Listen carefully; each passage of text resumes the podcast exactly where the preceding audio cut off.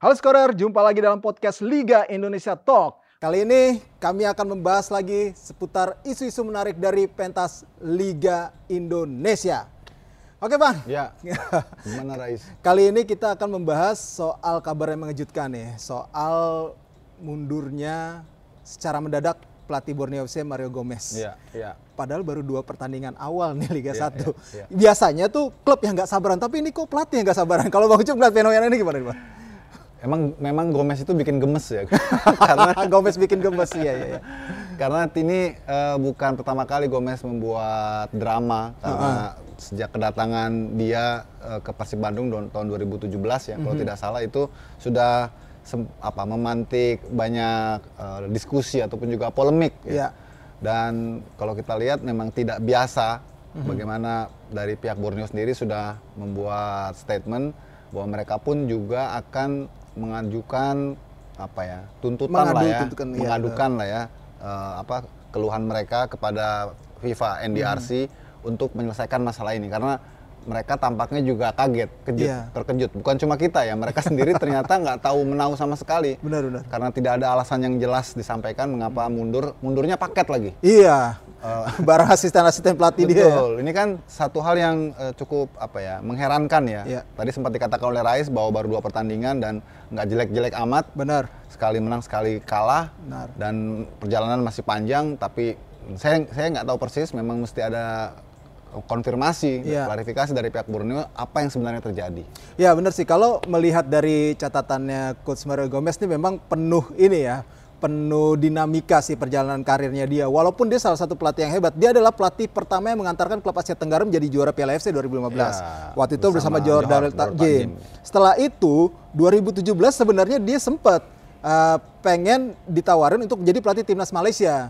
Ya. Tapi batal gara-gara dia meminta gaji yang lebih tinggi dari yang ditawarkan sebelumnya sama ketua uh, Federasi Sepak Bola Malaysia saat itu kebetulan ketuanya adalah bosnya Jordal Tajim. Nah, nah, terus masuk ke 2018 nih ternyata Bang. Ketika dia melatih Persib Bandung, oke kan sebenarnya performanya Iya, gitu. iya. Tiba-tiba ada in- eh, konflik internal yang dimunculkan setelah laga lawan PSMS. Iya, iya, waktu ada itu. intrik-intrik ya. Iya betul ada isu lah pemain katanya dituding sama dia isu suap walaupun dia akhirnya membantah itu ya membantah kalau dia menuding pemain. Hmm, hmm, Tapi sang pemain ada yang buka-bukaan lah sama kawan-kawan Iya, dekat iya, iya. kalau dia setelah laga lawan PSMS dituduh menerima suap. Itu panas tuh Persib waktu itu. Hmm. Iya, Lanjut lagi 2019 dia berhasil membawa Borneo sebenarnya berprestasi lah seenggaknya Dengan pemain-pemain muda dengan ya. pemain-pemain muda peringkat 7 sebenarnya. Waktu itu sebenarnya ada kasus untuk peringkat 2 tapi akhirnya di uh, fase terakhir laga ya hanya bisa uh, sampai di peringkat 7.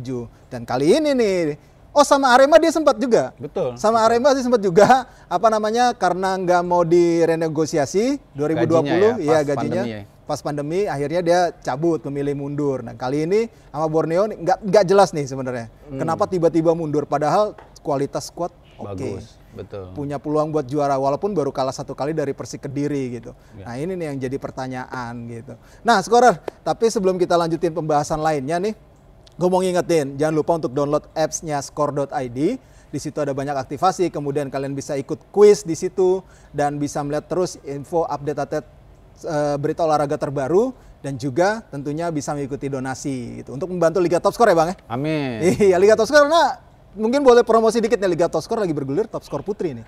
Iya, sekarang ini kalau gue ingat waktu itu di interview di studio sama Iko secara personal tentang ulang tahun ke-10 ya waktu itu Oke. ketika dia. Apa impian yang belum tercapai? Aim apa yang belum terwujud? Saya bilang saya pengen bikin Liga Top Skor Putri gitu.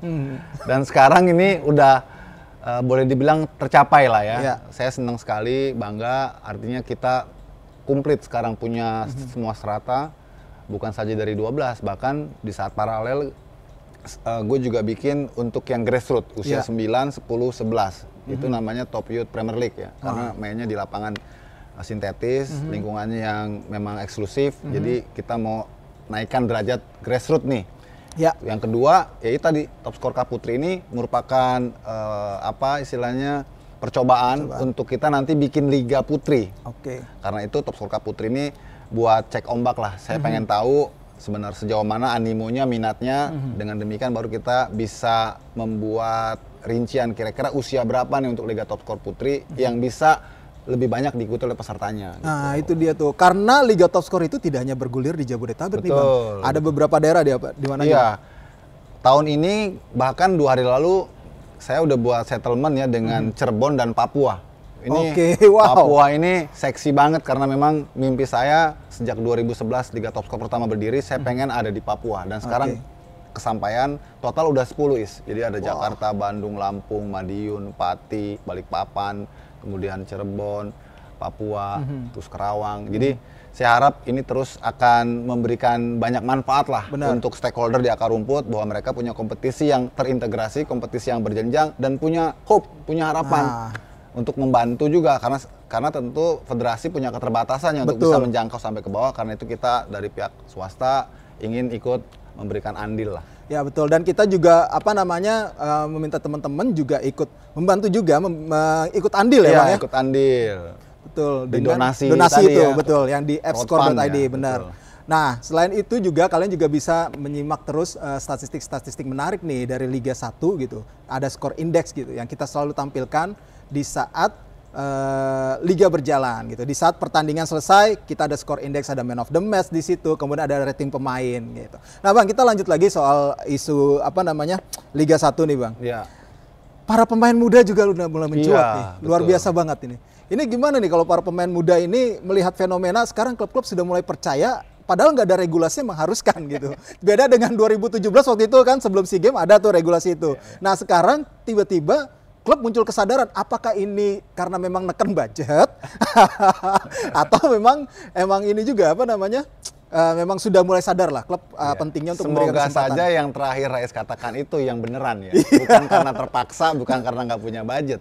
Tapi saya melihat ini merangkum ini seperti blessing ya. Mhm. Blessing bahwa ternyata eh, situasi pandemi ini memberikan berkah tersendiri buat pemain muda. Betul. Mereka secara tidak langsung mendapatkan panggungnya ya. Didorong oleh keterbatasan finance dari klub untuk Iya. membeli pemain-pemain mahal yang dulu kan setiap klub hampir boleh dibilang wow. jor-joran. Iya, Sekarang kan terbatas kan hanya beberapa klub saja yang bisa tetap eksis dengan keuangan yang mumpuni tapi selebihnya kan kebanyakan lebih banyak eh, mempromosikan pemain-pemain muda bahkan Iya. tim sebesar Persija pun juga termasuk yang paling banyak mempromosikan pemain muda Benar. dari akademinya dari Elite Pro Academy nah Benar, karena itu ini eh, sangat bagus sekali semoga saja eh, tidak menjadi one season wonder ya ataupun Iya. juga euforia sesaat saja tapi ini menjadi konsisten ke depannya karena sudah ada potretnya kita lihat main pemain muda itu tidak kalah kok dengan pemain-pemain senior bahkan Benar. dengan pemain asing sekalipun saya kaget waktu melihat Madura di laga pertama tiba-tiba Coach Rahmat memainkan Ronaldo Kuate Iya. yang musim sebelumnya tuh main di Liga Top Skor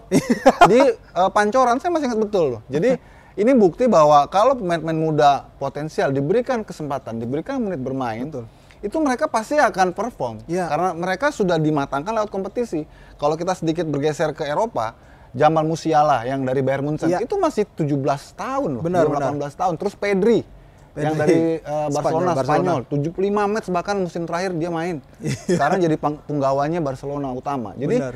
ini potret bahwa kita harus sesering mungkin ataupun juga seterbuka mungkin memberikan kesempatan pada pemain muda karena mereka sebetulnya tinggal persoalan dikasih kesempatan atau enggak. Ya. Nah sekarang sudah ter- ter- sudah happen nih Rais nih. Ya mudah-mudahan juga para pemain muda ini nggak cepat puas sih bang. Ah, itu yang paling betul. penting juga karena Betul, banyak betul. juga mental-mental uh, ya nggak hanya di Indonesia ya di Eropa pun yang Ada sudah yang naik iya ya. sudah naik uh, sebentar tiba-tiba langsung redup dan sekarang nggak tahu ada di mana gitu. Iya, nah ini juga sekarang dengan kemajuan eh, informasi, teknologi, sebetulnya pemain-pemain muda yang sedang mengorbit dan promosi ke level atas, ini juga sudah bisa melihat, sudah bisa mengambil contoh mana yang baik, mana yang benar, mana pemain yang eh, apa sejak mudanya dia konsisten, jaga disiplin, attitude bagus, dia sampai di di mana. Terus mana pemain muda yang sebentar terus menghilang. Jadi saya kira ini harus juga diambil manfaatnya ya oleh para pemain muda yang sekarang dapat kesempatan untuk mereka contoh yang baik gitu. Betul.